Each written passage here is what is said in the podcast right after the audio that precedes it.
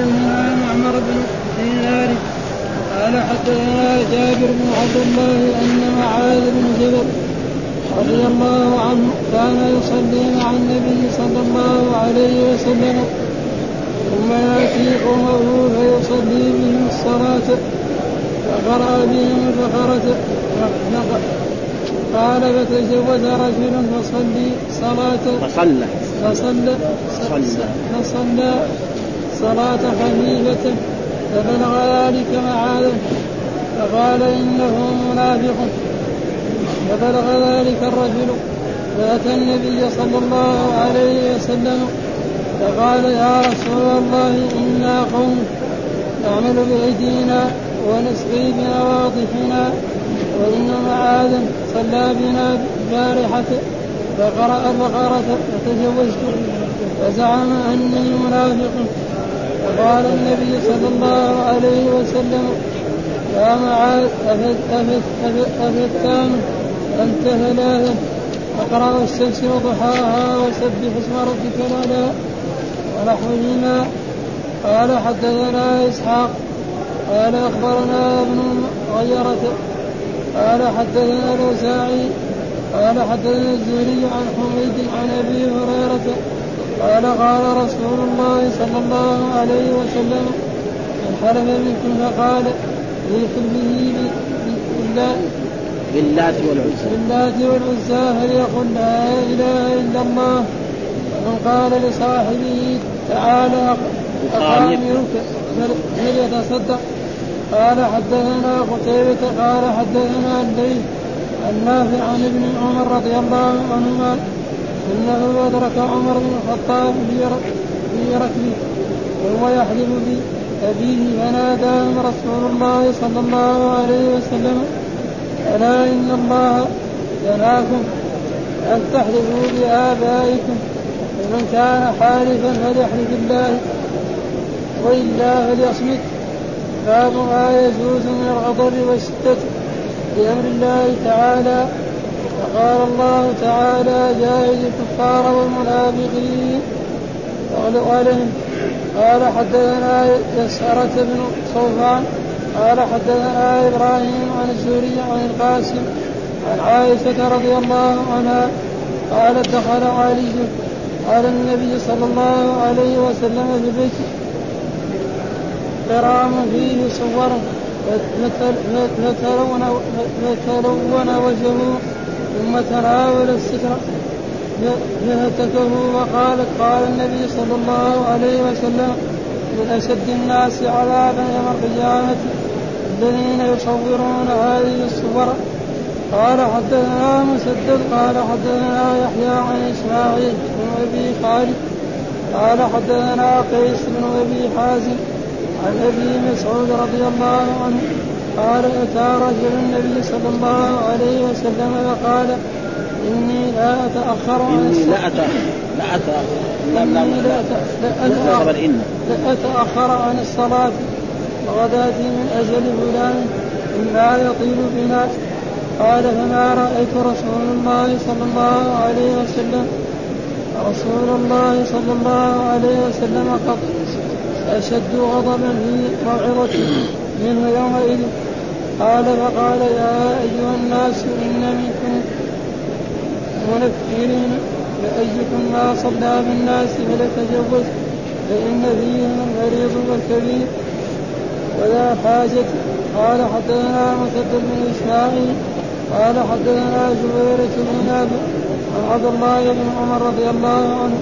قال بينما بين بين بين النبي صلى الله عليه وسلم يصلي رأى في قبلة المسجد نخامة فحكها بيده فتغير فتغير ثم قال إن أحدكم إذا كان بالصلاة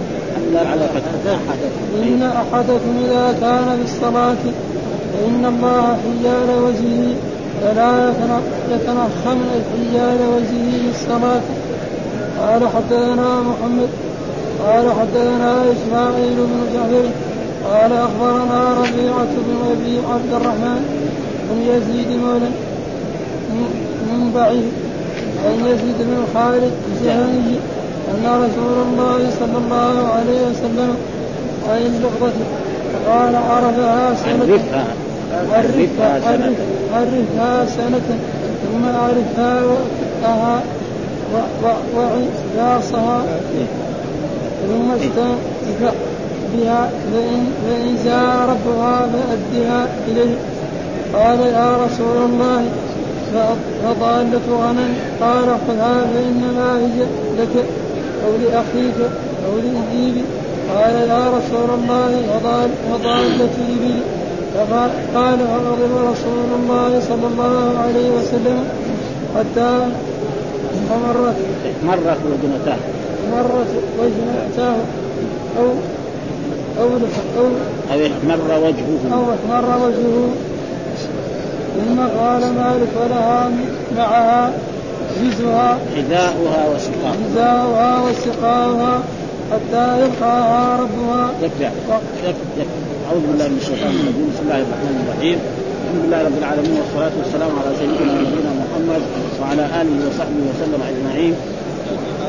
باب من لم ير إكثار من قال ذلك متأولا أو جاهلا وقال عمر بن الخطاب وقال عمر لحاطب وقال عمر بن أبي بلتع إنه منافق. فقال النبي صلى الله عليه وسلم وما يدريك لعل الله قد اطلع إلى أهل بدر فقال قد غفرت لكم. تقدم لنا باب من كفر أخاه بغير تأويل فهو كما قال. باب قبل هذا من كفر أخاه يعني إنسان يزعل من إنسان ويقول له أنت كافر أو أنت منافق أو أنت زنديق أو غير ذلك من الاشياء مثل هذه. فإذا قال ذلك فهذا تقريبا فإن كان يستحق ذلك الكفر فتقع عليه. وإذا كان لا يستحق نعم ترجع إلى من قال. رجل مثلا آه، رجل اختلف مع شخص ما فقال له أنت كافر. أو أنت منافق. فإن كان ذلك اللي قال له هذا هو منافق وهو كافر خلاص ما في شيء. وان كان لا ما هو كافر ولا هو منافق إنما هو بس تعدى عليه بهذا فترجع إليه. فلا يصح الإنسان. أما هذا الباب الثاني من قال ذلك متاولا. يعني قال ذلك متاولا. يعني ما فهم الموضوع أو عنده جهل فقال ان انسان عمل شيئا لا يليق قال له أنت كافر. يقع عليه الكفر أو لا؟ يبين لنا في هذه الترجمة يعني هذا الحكم. ها؟ باب من لم يرى إكثار من قال ذلك متأولا. مثال ذلك عمر بن الخطاب رضي الله تعالى عنه قال لحاتم بن أبي بلتع إنك منافق. حاتم بن أبي بلتع رجل من أصحاب النبي صلى الله عليه وسلم. ها؟ من المهاجرين. وكذلك ممن شهد بدرا. لكن عمر لما شاف فعلته هذه الشنيعة اللي فيما يظهر لعمر قال كذا لأن السبب في ذلك لماذا قال عمر هذا؟ لأن الرسول صلى الله عليه وسلم أراد أن يغزو مكة في عام ثمانية من الهجرة وأراد أن لا يعلم أهل مكة. فقام حاتم بن أبي بلتع كتب كتاب نعم وكتب إلى قريش إن محمدا يريد أن يغزوكم فخذوا حذركم واعطاه لمراه وهذه المرأة أخذته وحطته في شعرها وسافرت. فالوحي جاء لرسول الله صلى الله عليه وسلم إن حاتم بن أبي بلتعه كتب كتابا لقريش وأن الكتاب هذا في الطريق.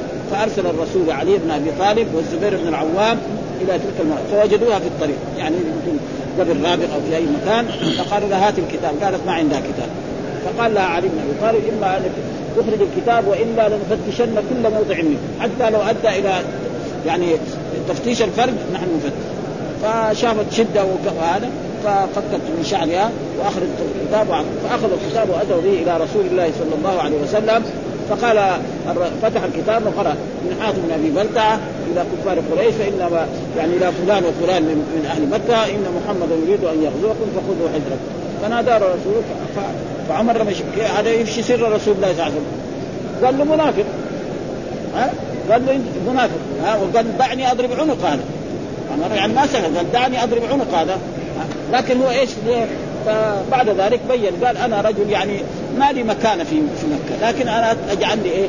أنا عارف إنك ستنتصر عليه. ها؟ الله ينصر نبيه لكن أنا عرفت يعني يكون جماعتي هناك أو هذا يعني يحرص عليهم مصالحهم فلأجل ذلك بقى. وهذا كان تقدم في التفسير بقول الله تعالى يا أيها الذين آمنوا لا تتخذوا عدوي وعدوكم أولياء تكون اليهم بالموده وقد كفروا بما جاءكم من حق يخرجون الرسول وإياكم أن تؤمنوا بالله ربكم إن كنتم خرجتم جهادا في سبيله وابتغاء مرضاتي تسرون إليهم بالمودة وأنا أعلم ما أخفيتم وما أعلنتم ومن يفعل منكم فقد ضل سواء السبيل. إن يثقفوكم يكونوا لكم أعداء ويبسطوا إليكم أيديهم وألسنتهم بالسوء. ودوا لو تكفرون. لن تنفعكم أرحامكم ولا أولادكم يوم القيامة. يصل بينكم وما تعملون بصير. آه ثم قال قد يعني كلها يعني يعني بعيد شديد يعني. فلذلك ثم الرسول قال لعمر لما قال هذا قال لا لعل الله اطلع على أهل بدر. فقال اعملوا ما شئتم فقد غفرت. هذا من أهل بدر. ومعلوم أن الحديث ثابت أن أهل بدر كلهم من أهل الجنة. ومعنى طلع قد غفرت لكم. يعني معنى طلع على أهل بدر أو قال في رواية اعملوا ما شئتم. ها؟ ليس معنى اعملوا ما شئتم يعملوا المعاصي. لا. يعني لو فرض أن شخصا من أهل بدر ارتكب معصية أو ارتكب هذا فإن الله سيغفر له. إما بفضل من الله وجود وكرم واحسانه أو بشفاعة الرسول محمد صلى الله عليه وسلم أو غيره. على كل حال مآله إلى الجنة. هذا معناه يعني فهذا معناه أو قال عمر وهذا التعليق وهذا الموضوع تقدم في إيه؟ في تفسير سورة إيه؟ الممتحنة. وكتاب التفسير تقدم. قال عمر لحاتم بن بلتع إنه منافق. فهذا متأول لأنه يفشي سر رسول الله صلى الله عليه وسلم. فالرسول يعني هل صار حاتم الرسول رد عليه. قال ان الله اطلع عليه وقال غفرت له. فلأجل ذلك إذا كان الإنسان قالها متأول رأى إنسان فعل شيء ما يعلم ها؟ فقال له كذا. إن شاء الله نرجو أنه ما يكون إيه يعني آه ذلك الشخص كافر وهو كذلك لا إيه لا تعود إليه. فإن هذا العلم من قال المنافق النفاق ما يعود على عمر بن الخطاب رضي الله تعالى عنه. لأنه قال إيه متأول. هذا معناه ما ها؟ قد غفرت. وهذا ثم ذكر حدثنا محمد بن عبادة قال أخبرنا يزيد قال أخبرنا آه سليم قال حدثنا عمرو بن دينار حدثنا جابر بن عبد الله أن معاذ بن جبل رضي الله تعالى عنه كان يصلي مع النبي صلى الله عليه وسلم ثم يأتي قوم فيصلي بهم الصلاة. يعني أن أن معاذ بن جبل شهد له الرسول بأنه أعلم الصحابة بالحلال والحرام وكان يصلي مع رسول الله صلى الله عليه وسلم الصلوات الخمس في هذا المسجد أو جلها. نعم فإذا صلى يذهب إلى قبه ويصلي إمام. يصلي مع رسول الله هنا مأموما في هذا المسجد. ثم يذهب إلى قبى ويصلي إماما. هذه عادته مستمر على ذلك. فاذا تكون الصلاة الأولى فريضة والثانية نافلة. وهذا فيه دليل على أن الإنسان لو صلى يعني صلاة مرتين جاز أن الذي يصلي خلف المتنفل يجوز. ها؟ ولكن بعض اثاروا بعض إخواننا يعني كثير ما نسمعهم أنه لازم يكون الصلاة متفقة فيما يظهر لي أنا. يعني صلاة الظهر مع صلاة الظهر، صلاة العصر مع صلاة أما واحد يصلي الظهر وواحد يصلي العصر هذا معناه ما. ولكن سمعنا من بعض إخواننا يقول أن ذلك جائز فإذا في أدلة تدل على ذلك فيعني ف يعني ها؟ لابد يكون إيه متفق الصلاة. هذا يصلي فريضة هذا يصلي نافله ها؟ الظهر وهذا يصلي العصر. أو هذا يصلي يعني يصلي الظهر فريضة وهذا يصليها نافله لأن الصلاة الأولى لا شك أنها كانت فريضة لمعاذ. لأنه في مسجد رسول الله وخلف رسول الله صلى الله عليه وسلم. وهذه الصلاة هو إمام في قباء. فلذلك هذا الذي ثم يأتي قومه يعني يأتي إلى قبى فيصلي بهم الصلاة. نفس الصلاة إيه؟ اللي صلاها مع رسول الله صلى الله عليه وسلم. وان هنا إما الظهر وإما العصر غير الظاهر إن المغرب لا. ها لأن المغرب إذا عاد تصير بعد ذلك إيه؟ يعني تصير شفع. فقرأ بهم البقرة. في يوم من الأيام في صلاة العشاء راح ابتدأ بالبقرة ويبغى يغلقها في صلاة العشاء. ها فهذه جزئين ونصف. ورجل كان من يعني من الفلاحين من أهل الزراعة وأهل الفلاحة رابط يمكن بعيره عند الباب وكان طول النهار يشتغل يسقي زرعة نعم ويصرف الماء الماء فترك الصلاة وصلى لوحده وراح إلى بيته يمكن جوعان يأكل لأنه طول النهار كان يشتغل. فقال فلما سلم معاذ قال الجمله للمصلين إن فلان دخل المسجد ووجدك أنت تصلي وترك الصلاة معك وصلى وحده وخرج. فقال معاذ هذا منافق. ما يقعد يصبر يصلي مع المسلمين ليه؟ فمعاذ يعني قال إنه ها ثلاثة اقرأ والشمس وضحاها أفتان الخبر. ها؟ خبر. إيوه جائز أفتان يصير خبر مقدم وانت مبتدا ويجوز أفتان مبتدا وأنت فاعل سد مسد الخبر. ها قاتل آه. ها؟ قاتل قوم وذلك مثلا أراغب أنت عن الهتي يا إبراهيم راغب أنت. لك أن تعلمهم كذا وهذا. ها؟ فهذا ومحل الشاهد ان أن معاذ قال له إيه؟ قال له منافق. فالرسول يعني متعود لأنه المسلمين يصلي يترك الصلاة مع المسلمين ويروح يصلي وحده. هذا شغل. فلذلك معاذ ما يسمى يعني كفر. بخلاف إيه؟ آه الأول من قال لأخيه آه كافر أو قال له يا منافق أو قال له يا زنديق فإن لم يكن كافر ولا منافق ولا زنديق فإن الكفر هذا يعود على ذلك الشخص الذي قال له. هذا الحديث الأول. الحديث الثاني حدثنا إسحاق نعم. أخبرنا ابو المغيرة حدثنا الأوزاعي حدثنا الزهري عن حميد عن أبي هريرة قال قال من حلف منكم فقال في حلفه بالله والعزى فليقل لا إله إلا الله ومن قال لصاحبه تعالى اقامرك فليتصدق. برضه هنا من حلف يعني من حلف منكم يعني من أصحاب الرسول من المؤمنين. يعني رجل مسلم كان في الجاهلية يحلف بالله ودخل في الإسلام يجي مرات لسانه يقول واللات والعزى. فهذا يصير يرتد؟ لا ما يرتد. ها؟ من حلف باللات والعزى فليقل لا إله إلا الله فليقل لا إله لأنه ما أراد هذا لكن لسانه يسلم إلى ذلك. وهذا كثير بيقع يعني بعض الناس. تجد مثلا عالم يقول بالنبي ها؟ المصريين هذول ها؟ والنبي يقول لك ما يصير؟ لازم ما يحلف بالنبي. نهى عن الحلف بغير الله ايا كان فهذه اذا إذا ذب مرة مرتين يمكن يتركها. وناس والفين على هذا يحلف بالنبي أو يحلف بالكعبة أو يحلف بغير الكعبة ما لا يحلف بها. فإذا مثل ذلك فليقل لا إله إلا الله ومن قال لصاحبه تعالى اقامرك فليتصدق. لأنه إيه؟ تعالى اقامرك يعني يأخذ المال بغير حق ها؟ فليتصدق بالشيء ها؟ بدل هذا. هذا معناه فإذا قال له تعال القمار معناه إيه؟ يعني يلعب مع قمار فالذي يغلب يأخذ ها؟ يقول له مثلا نلعب فإذا غلبتك تسلم 10 انت وإذا غلبت تسلم 10 أو 20 أو 100 ومعروف أن القمار هذا يعني يضيع أموال يعني عظيمة جدا. وكنت أنا قرأت كتاب يعني يعني في يعني في لندن عنده مجلة فشخص كان يكتب فيها يسمى تقريبا جوهر حداد هو نصراني. لكن كان يكتب يعني مرة من المرات كاتب يعني مقال صديق الحمار. أدب هذا صديق الحمار إيش يقول؟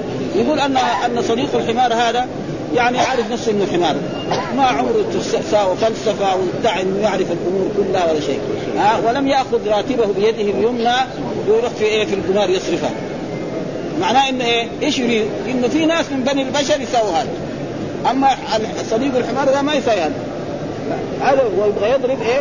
على على الوتر يعني. يقول هذا صديق الحمار. أنا عارف نفسه إنه حمار. عمره ما ادعي إنه فلسفة وأنه طبيب وأنه يعرف كذا ويعرف كل ما عمره ادعى.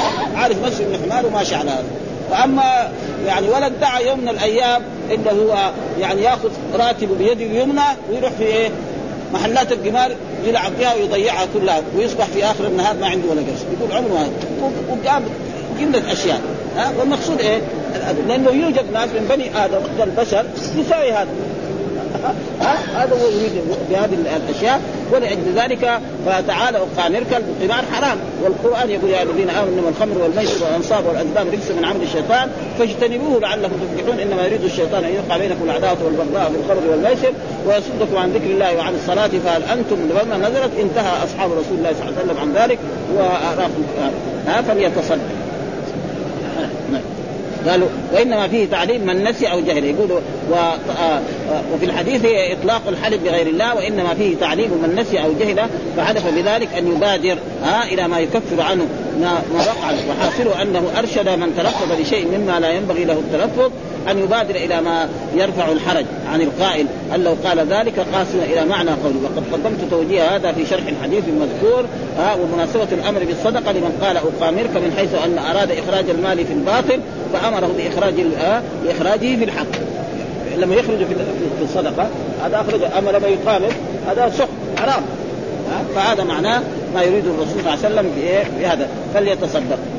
ومعنى ذلك آه، أن آه، ان هذا الشخص قال واللات وما ما ارتد عن عن دين الإسلام. قال واللات والعزى والرسول جاء في الحديث من حلف بغير الله فقد كفر أو أشرك. لما كان في تأويل ما ما يصير. وعلى كل حال يعني يحلف بغير الله وهو يعرف أنه ما يجوز على كل حال مشرك لكن ليس شركا أكبر فيما يظهر. إلا إذا كان يعتقد أن هذا هو اللازم فهذا قد يكون إلى إلى ثم الحديث الأخير حدثنا قتيبة حدثنا ليث عن نافع عن ابن عمر رضي الله عنهما أنه أدرك عمر بن الخطاب في ركب وهو يحلف بأبيه فناداه رسول الله صلى الله عليه وسلم ألا إن الله ينهاكم أن تحلفوا بآبائكم فمن كان حالفا فليحلف بالله وإلا فليصمت. يقول عن آه عن نافع عن ابن عمر رضي الله أن آه أنه أدرك عمر بن الخطاب في ركب الله بن عمر الرسول أدرك يعني عمر بن الخطاب في ركب، الركب معنى الجماعة الراكبين على إبل أو غير ذلك وهو يحلف بأبيه. ها يقول وأبيه. ها وأبيه وأبي فناداهم رسول الله صلى الله عليه وسلم الا يعني انتبهوا ألا حرف تنبيه ألا إن الله ينهاكم أن أن تعبدوا بآبائكم.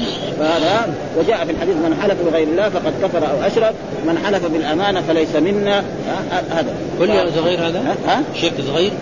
شرك أصغر. على كل حال ما يكون شرك أكبر إلا إذا كان يرى أن الحلف بغير الله هو هو هذا يمكن يؤدي وإلا هو المقرر أنه شرك أصغر. ها؟ وإذا حلف مثل هذا فإن مثل هذا لا يضر. فإن عمر يعني صحاب ذاك الوقت وهو مسلم. لكن لأنه كان ويقول هذا الحديث سيأتي بعد ذلك في كتاب الإيمان وسيشرحه هناك الحافظ. لكن الذي يفهم من هذا قال وفيه النهي عن ذلك وسيأتي شرح مستوهم في كتاب الإيمان والنذور وقصد وقصد وقصد بذكر هنا الإشارة إلى ما ورد في بعض طرقه. من حلف بغير الله فقد أشرك. في رواية من حلف بغير الله فقد كفر أو أشرك. هذا أخرجه الترمذي. ها كذا حديث ها لكان لكان كان حلف عمر بذلك قبل أن يسمع النهي ها فإنه بعد ذلك ما يمكن عمر يقع هذا هذا يسمع كان معذورا فيما صنع يعني كان معذور لأنه ما ليش؟ ليش؟ لأنه ولذا. فلذلك اقتصر على نهي ولم ياخذه بذلك لأنه تأول أن حق ابيه عليه يقتضي أن يستحق أن يحلف به. معلوما اب له حق على الولد فمن حقه أن كذلك يحلف به. لا الحلف تعظيم لإيه؟ لازم ما يكون الحلف الا تعظيم للرب سبحانه. لا يكون تعظيم لإيه؟ للبشر والإنسان. فلأجل ذلك نهاه عن ذلك وحذره. وعمر لما حلف ما ما ارتد عن الإسلام ولا شيء ولا خرج ولا بس الرسول أرشده. ولذلك نحن كذلك مثلا يعني شخص مثلا في في عصرنا تجد في بعض البلاد ناس يحلفون بغير الله أو يدعون غير الله ويستغيثون بغيره ويلتجئون إلى غيره. ما يجي يقول له كفر يقول له لا تعال. يتفاهم معاه بالمفاهمه مثلا ابزال الآيات. نعم. وقال ربكم ادعوني أستجب لكم. وإذا سالك عبادي آه ومثلا إن المساجد لله فلا تدعوا مع الله أحدا آه الدعاء مخ العبادة وان هذا لا ينبغي. ومن الذي يجيبكم؟ من الذي يدعو واحد ينادي ميت. الميت يسمعه؟ ليش يقعد في القبر؟ يروح بيته بدل ما يقعد. فيجي باللطف يمكن. أما إذا له كفرت وأشركت يؤدي إلى وهل كذلك هؤلاء يعني في مسألة يعني سنبحث عنها؟ مثلا هؤلاء في بعض البلاد الإسلامية تجدهم يدعوا غير الله. ويستغيثون بغيره وهم يصلون نعم. ويصومون ويحجون ويفعلوا كثير أشياء نعم. طيب هذول إيش إيش نقول فيهم؟ خصوصا إذا ما كان بلغهم أما إذا بلغهم يمكن يعني لكن ما بلغوا يعني في بلادهم هذه عادة خلاص ماشي ابدا فإيش تقول لهم؟ ها فهذا يعني قالوا بحث يعني على كل حال في يعني هذه هذه الأحاديث قرأناها قد تدل على أنهم كانهم ليسوا كفار لأنه ما بس يقول هذا وهو يعتقد انه تقريبا يعني الله هو المتصرف في الكون. وهذا معروف أن المشركين كانوا يعرفوا هذا. نعم. فإن المشركين يعرفون ويعبدون من دون الله ما لا يضرهم ولا ينفعهم ويقولون هؤلاء شفعاؤنا عند الله. ما يقولوا ان هذول لهم شيء. والذين اتخذوا من دون أولياء ما نعبدهم إلا ليقربونا إلى الله زلفى. ها فلذلك يبين أنه ها إن الله لا يحب لعبده أن يحلف بغيره. ها والله أعلم. ثم ذكر باب ما يجوز من الغضب والشدة لأمر الله تعالى. كمان تقدم ترجم لنا أن الرسول صلوات الله وسلامه عليه أنه كان بينما كان هو يوزع غنائم يعني حنين جاء رجل وقال إن هذه قسمة ما أريد بها وجه الله. هذه القسمة أريد يعطي ناس يعني توهم أسلموا حديثا أو ناس من الكفار 100 من الإبل ونحن الأنصار ما يعطينا ولا شيء. هذه قسمة ما أريد بها وجه الله. فجاء رجل آه وهو عبد الله بن مسعود وأخبر الرسول بذلك. فالرسول تأثر من هذا. نعم. ثم بعد ذلك قال إن أخي موسى قد أوتي بأكثر من ذلك فصبر. ها؟ طيب. هذا والشيء الآخر كذلك ان ان الرسول صلى الله عليه وسلم بينما كان يمشي مع أنس بن مالك واذا اعرابي يجذبه هكذا من قومه حتى أثر يعني الجذب هذا في في عنق رسول الله صلى الله عليه وسلم وقال إن هذا المال مو مالك. ها؟ حتى في بعض الروايات ولا مال ابيك فعاقل فالرسول أمر له يعني بعطاء يعني واحد يتعدى على الرسول يعني يمكن يسامح الرسول ولا يتقي لكن إذا تعدى على حقوق الله كان يغضب. ولذلك هنا قال ما يجوز من الغضب والشدة لأمر الله. أما لأمر نفسه ما كان يغضب. هذا معناه يريد بهذه الترجمة أن رسول الله صلى الله عليه وسلم هذا الرجل لما قال إن هذه قسمة ما أريد بها وجه الله ما تأثر الرسول. آه بل سامح هذا الرجل والرجل الآخر الذي جذب الرسول جذبة وقال أعطني من هذا المال الذي عندك فإنه ليس مالك ولا مال أبيك. فالرسول ما تأثر أما إذا انتهكت حرمات الله كان الرسول يغضب أشد الغضب. ها فاذا فعل شخص شيء لا يليق بالله ولا يليق برسوله أو بالإسلام أو بالدين فإن الرسول يغضب غضبا شديدا. وهذه الأحاديث الذي يذكرها لنا في هذا الترجمة تبين لنا ذلك. فأول ما يجوز من الغضب والشدة لأمر الله يعني لأجل الله. إذا انتهكت حرمات الله يغضب الرسول صلى الله عليه وسلم. والدليل على ذلك وقال الله تعالى وجاهد الكفار آه، جاهد الكفار والمنافقين واغلظ عليهم. الله يأمر نبينا محمد صلى الله عليه وسلم يقول يجاهد الكفار والمنافقين واغلظ عليهم. يعني إيش معناه يعني معهم بشده وبغلظه ها؟ ففهم من ذلك أن الرسول كان مع الكفار يكون ذلك زي ما جاء في القرآن. أذلة على المؤمنين أعزة على الكافرين يجاهدون في سبيل الله ولا يخافون لومة لائم. وهنا جاي وهنا واغلظ عليهم. يعني الذي طابق الترجمة واغلظ عليهم. ها؟ واغلظ عليهم. إيش الدليل طيب؟ الأحاديث التي تثبت هذا. يقول حدثنا آه يسرى ابن صفوان حدثنا إبراهيم عن الزهري عن القاسم عن عائشة رضي الله تعالى عنها قالت دخل علي رسول الله صلى الله عليه وسلم في البيت قرام فيه صور فتلون وجهه ثم تناول الستر فحتك وقال قال النبي صلى الله عليه وسلم من أشد الناس عذابا يوم القيامة الذين يصورون هذه الصور. في هذه الحديث يقول عن عائشة دخل علي على عائشة في بيتها رسول الله صلى الله عليه وسلم وفي البيت قرام، القرام معناه ستار يعني قماش فيه صور. يعني في طاقة أو في نافذة أو على باب هذا. وفيه إيه؟ صوره من الصور التي لها روح. صوره من الصور فتلون وجه رسول الله صلى الله عليه وسلم. يعني إيه؟ ظهر عليه آثار الغضب. ومعلوم أن الحبيب الرجل إذا كان له صديق أو حبيب إذا جاء متأثر يفهم. أي إنسان يدخل إلى بيته أو يقابل اصدقاء إذا كان فرحان يبان من وجهه. وإذا كان غضبان يبان فتلون رسول الله لما رأى هذه الان ثم تناول الصدق ثم أخذ وجره فهتكه يعني ازاله ها وقطعه تقريبا. ثم وقال قال وقالت قال النبي من أشد الناس عذابا يوم القيامة الذين يصورون هذه الصور. يعني من أشد الناس عذابا. يعني أشد الناس يعني من العصاة. ليس معنى هذا ردة. ها, ها؟ لأنه في إيه؟ عن آل فرعون. النار يعرضون عليها غدوا وعشيا أدخلوا آل فرعون أشد العذاب. أدخلوا آل فرعون. زيهم؟ لا ما هم زيهم. ها؟ هذول كفار. ها؟ فهنا كذلك من أشد الناس بالنسبة للعصاة الذين يصورون هذه الصور. أي صور؟ الصور التي يعني سواء كانت مجسمة أو غير مجسمة.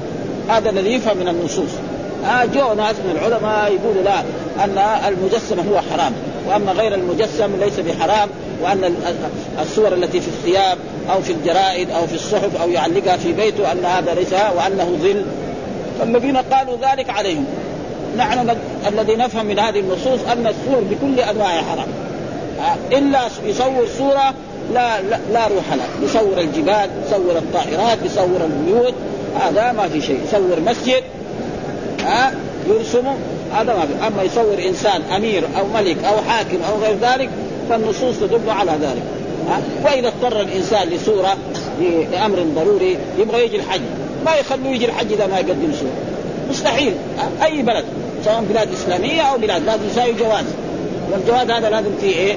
صوره ضروري. فاذا قالوا كذلك إذا يبغى يساوي يدخل مدرسه الآن لازم يقدم صوره فإذا فعل مثل هذا إن شاء الله نرجو الله يساوي. إذا ما عنده إلا هذا. ها؟ أما كونه حلال لا. فيصير ذنبين لا. واحد ذنب يكفر. إيه. ها؟ ذنب واحد أما لما نقول حلال يصير إيه؟ ذنب التصوير وذنب إيه؟ تحليل الحرام. واحد ها؟ فإذا نحن تصورنا لأمر من الأمور ها؟ فيكون واحد يكفينا. وهذه الأحاديث يعني دليل ها؟ ف... ومحل الشاهد الذي يطابق الترجمة ها؟ تناوله فهتك. تناوله هذا محل الشاهد ها؟ الرسول إيه؟ يعني زعل من إيه؟ ها؟ هذا محل له. إن الرسول لما رأى هذه الصورة في بيت عائشة قام وهتك الصورة. وتقدم لنا حديث أن رجل جاء إلى عبد الله بن عباس وقال إنه يعني عنده صنعة التصوير. فقال إن كنت ما عنده صنعة هذا فقال إن كنت لابد من ذلك تصور إيه؟ جبال. الصور التي ليس فيها روح ها؟ فيصور فيها. فهذا محلها والوعيد من أشد الناس عذابا يوم القيامة الذين يصورون هذه الصور. وتقدم لنا كل مصور في النار. في أحاديث كده. أيوة. ومن أظلم من ذهب يخلق بخلقه فليخلق حبه وليخلق ورده وليخلق شعيرا. أحاديث يعني كثيرة.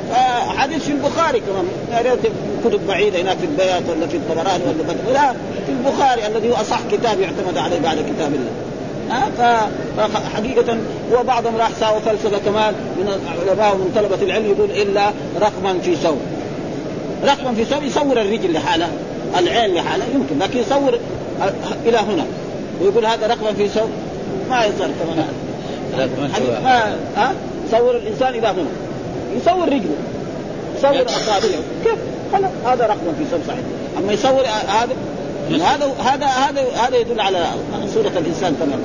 فلذلك هذا الاحاديث يعني تدل على أن وكذلك يقول هنا في الحديث بعده حدثنا مسدد حدثنا يحيى عن إسماعيل بن أبي خالد حدثنا قيس بن أبي حازم عن أبي مسعود رضي الله عنه أتى رجل النبي صلى الله عليه وسلم فقال إني لا أتأخر من صلاة الغداة من أجل فلان مما يطيل بنا. قال فما رأيت رسول الله صلى الله عليه وسلم قط أشد غضبا في موعظة منه. يومئذ قال فقال يا أيها الناس إن منكم منفرين وايكم صلى بالناس فليتجوز فإن فيهم المريض والكبير وذا الحاجة. فهذا الحديث كذلك يعني رجل جاء إلى النبي صلى الله عليه وسلم وقال إني لا أتأخر من صلاة الغداة، صلاة الغداة معناها صلاة الفجر، يعني أنا ما أجي صلاة الغداة، ليه؟ لأن الإمام حقنا اللي في قريتنا أو في بلدنا أو في حالتنا يطول الصلاة يقرأ سورة طويلة جدا، وأنا رجل يعني إما عندي عمل أو رجل تعبان أو مريض أو لي أشغال ها؟ فأنا ما أحضر صلاة الفجر، ليه من هذا؟ فنادى الرسول هذا الرجل الإمام وقال له إن منكم منفرين. ها؟ يقول هنا يقول فما رأيت رسول الله قط أشد غضبا في موعظة منه، يعني الرسول غضب من هذا الرجل جدا، وقط ظرف لما مضى من الزمان. دائما قط يعني لا افعله قط يعني فيما مضى. يعني الرسول ما أنا على قد ما جلوسي مع رسول عبد الله بن مسعود الصحابي الجليل العظيم الذي لازم الرسول يعني تقريبا 23 سنة أو أقل بقليل يقول ما رأيت الرسول صلى الله عليه وسلم قط يعني فيما أشد موعظة منه يومئذ فقال في موعظته يا أيها الناس يعني أيها الأئمة إن منكم منفرين ينفر الناس عنه فأيكم ما صلى بالناس فليتجوز. ايكم يعني ما زائده فأيكم صلى بالناس. ما هنا زائدة. ومعروف تجي مرات زائدة. فليتجوز يعني فليخف الصلاة. فإن فيهم المريض. الرجل المريض يقدر يقعد يطول يقرأ لنا سورة البقرة أو يقرا سورة هود أو يقرأ آل عمران. رجل مريض يبغى سوره قصيره وقد يكون إنسان مريض يعني معاه شيء. أو يجي إلى المسجد ويصلي ويصيب أشياء. وكذلك فيهم كذلك الكبير. الكبير ما يقدر يقف طويل. ودحين أمراض جات للناس ها؟ ها؟ مع مع حصر البول مع مدري إيه مع السكر مع أشياء كثيرة. فهو ما يقدر يوقف يطول في هذا مع سلس البول ف... ف... فالرسول وذا الحاجة صاحب الحاجة. رجل جوعان ولا حاطط قدر بيطبخ. هذا إذا دول الصلاة يجي تجد محروق الأكل. يصير هذا. أو مريض مريض. ف... أو عنده مريض. فما يصلح. ثم الرسول كان يقرأ بقراءة يعني ما كان يعني يقرأ عن طوال. يعني كان بعض المرات يقرأ ثبت إنه مرة قرأ بالأعراف. وقرأ مثلا كان يقرأ بالشمس وضحاها ويقرأ وعمر كان يقرأ مرات طويل. وكذلك الناس الأولين غير والناس الأولين يعني وقد رأينا نحن يعني جماعة الإخوان المسلمين دول كانوا في مصر بنا وهذا. كان يعني لهم طرق يعني إيه في ترغيب الشباب إلى الدين. فيقولوا مثلا يدخل مع إخوان المسلمين يصلي في الأسبوع مرة واحدة صلاة الفجر في مسجد الجماعة. كذا يعني. فمثلا هذا ترغيب. مثلا شاب كان كان ما يصلي مرة واحدة. طيب مرة واحدة يجي يصلي. يعني صلاة الفجر لازم مرة واحدة. والصلوات الثانية يصليها. فمرة كذا فهذا فيه تخفيف يعني لابد من من هذا. ثم الحديث الثاني حدثنا موسى بن إسماعيل حدثنا جويري عن نافع عن عبد الله بن عمر رضي الله قال آه بين النبي صلى الله عليه وسلم يصلي رأى في قبلة المسجد نخامه فحكى بيده فتغيظ ثم قال إن أحدكم إذا كان في الصلاة فإن الله حيال وجهه فلا يتنخمن حيال وجهه في الصلاة. في هذا الحديث برضه عن عبد الله بن عمر قال بين يعني في وقت من الأوقات بين ظرف الإيه؟ في وقت لزمن من الأزمان يصلي رأى في قبلة المسجد النخام، النخام معناه يعني ما يخرج من الصدر. ها إنسان يكون في صدره بلغم فيقوم يتفل ها فإذا يتفل لازم إيه؟ ما يتفل قدامه. فإن كان جاء في احاديث مرت علينا في دراستنا إن كان مثل ذلك ف فليبصق عن عن يساره أو تحت قدمه في حسب هذا عنده منديل عنده هذا يبصق فيه. أما يبصق قدام فإن هذا لا لأنه هو بإيه؟ ليقرأ في الفاتحة. يقول الحمد لله رب العالمين الرحمن الرحيم مالك يوم الدين. وجاءت النخامة يدخلها قدامه. فانه إيه؟ لأنه بيخاطب الرب هو الحين. فما ينبغي. هذه آداب نبوية يعني. ما في أعظم من إيه؟ من الآداب النبوية التي جاءت عن رسول الله صلى الله عليه وسلم وتقدم لنا إن إذا قام أحدكم الصلاه فلا يبصقن قبل وجهه. ولا عن يمينه ها ولكن عن يساره أو تحت قدمه فإن الله قبل وجهه. وهذه فيها معية خاصة. ولله معيتان معية عامة ومعية خاصة. ومعية عامة معناه أن الله مع جميع عباده. المؤمن والكافر والصالح والفاجر بعلمه. هذا ما قال وهو معكم أينما كنت ما يكون من نجوى ثلاث إلا رابعهم. ويكون معية خاصة. وهي معيته بالنصر والتأييد مثل ما قال الله تعالى ثاني اثنين إذ ما بالغار إذ يقول لصاحبه لا تحزن إن الله معنا معنا يعني بنصره وتأييده وحفظه. وكانت قريش تمر على الغار ما يشوف الرسول. كل يوم يمروا. أبدا. ها؟ ها؟ كم من فئة قليلة غلبت فئة كثيرة بإذن الله والله مع الصابرين. هذه معية إيه؟ خاصة. فلذلك هذه كمان فيها معية خاصة. فإن الله يعني حيال وجه. ها؟ فإن الرب كأنه فلا يتنخمن. شوف لا ناهية وبدون التوكيد. فلا يتنخمن حيال وجهه. ها في الصلاة فالرسول نهى عن ذلك وأن الرسول يعني قام وحكى بيده مع أنه كان يمكن يؤمر أي إنسان من الصحابة. صلى الله عليه صلوات الله وسلامه عليه ولكن قام بيده وحكى فلا ينبغي للإنسان أن يفعل مثل هذه الأشياء و ثم ذكر الحديث الاخير حدثنا حدثنا محمد حدثنا إسماعيل بن جعفر أخبرنا ربيعة ابن عبد الرحمن عن يزيد بن مولى البعث عن زيد بن خالد الجهني أن رجلا سأل رسول الله عن اللقطه ما هي اللقطه؟ اللقطه ما يجد الإنسان وهو ماشي في الشارع أو في أي مكان يجد شيئا من المال ها نقودا أو متاعا أو غير ذلك فهذا هو يسمى اللقطه واللقطه أنواع. في لقطه يجوز لك أن تأخذها وهي الشاة. اذا وجدت أنت في البرية ماشي وجدت شاة أو خروفا فلك أن تأخذ. إنك الرسول قال له إيه؟ خذها إما هي إما لك أو لأخيك أو للذئب. فإذا ما أخذت أنت ولا أخذ أخوك المسلم يجي الذئب ويفترسها. لأن ما تقدر تمتنع عن الذئب. اذا جاء الذئب الشاة تقول يبلعها. ابدا ها؟ يدخل بطنها ويأكلها. ها. وأما اللقطه الثانية التي هي لقطه الذهب أو الفضة لازم تعرفها سنة كاملة. سنة كاملة توقف على يعني الطرق العامة. نعم وتقول من له شيء ضائع. فإذا جاء إنسان وقال الشيء الضائع ده كذا وكذا نعم يعني مثلا الشنطة لونها كذا وكذا الكيس لونه كذا ومربوط بالعقال كذا. ما يقدر يقول مثلا الفلوس اللي في الشنطه في الشنطة كذا لأنه هذا قد ما يدري. قد ما يدري ما يستطيع ما يستطيع. أما إذا قال له الشنطة لونها حمراء خضراء ها؟ كذا وكذا فيها أوراق فيها تدل على كذا. هذا هذا هو. فلازم يعرفها سنة كاملة. فإذا عرفها سنة كاملة وما أحد وأما في مكة لازم يعرفها طول الأبد ها؟ يعرفها سنة ويجب في المجامع يوقف على أبواب المساجد خارج المسجد. ها؟ مثلا وجدها في سوق اللحم سوق الخضار يروح هناك. ها؟ لأن الناس دائما يروحوا هذه الأسواق. هذه أسواق الناس يحتاجون إليها. فيعرفها سنة فإذا تقلت السنة ما جاء بعد ذلك هو يتصرف فيها. فإذا تصرف فيها بعد سنة أو عشر سنوات جاء صاحبها يعطي له يعني مو يأكلها ها؟ باقي في إيه؟ في ذمة. ها؟ فقال عرفها سنة ثم عرف وكاءها، إيش الوكاء؟ معنى الرباط ها؟ يعني وعقاصها يعني وكاء الرباط الذي مربوط بها ها؟ وعقاصها المعون الوعاء ها؟ يعني الكيس اللي كانت فيه أو الشنطة التي كانت فيه ها, ها, ها؟ ثم استنفر يعني تصرف فيها في فيها فإن جاء ربها يعني ربها هنا بمعنى صاحبها وسيدها. إيش الرب هنا؟ فلذلك الرب يطلق على الرب ويطلق على المخلوق ويطلق لكن إذا قال ربها رب إيه؟ رب اللقطة هذه ها؟ يعني صاحب. فإن جاء ربها فادها إليه. يعني ادها إليه. قال يا رسول الله فضالة الغنم. ها قال له وجدتها في البرية. ها مو في البلد. أما في البلد لا ما يأخذها. خذها فإنما هي لك أو لأخيك أو للذئب إذا ما أخذتها أنت يجي آخر يأخذها. أو يجي الذئب ويفترس. فإنك لك انت ثم قال آه آه وقال فضالة قال فغضب رسول الله. وهذا محل الشاهد. ها محل الشاهد الذي يطابق الترجمة. لما قال له ضالة الإبل قال لي وجدت ناقة في في, في البرية. اخذها أروح أبيعها. قال له لا يصير مالك ومال أنت إيش دخلك فيها؟ اتركها. ها؟ فانت مالك؟ ها؟ هي تقعد تشرب مثلا تقعد 10 أيام ما شربت الماء. أيوه. وتيجي يمشي في الشجر تأكل.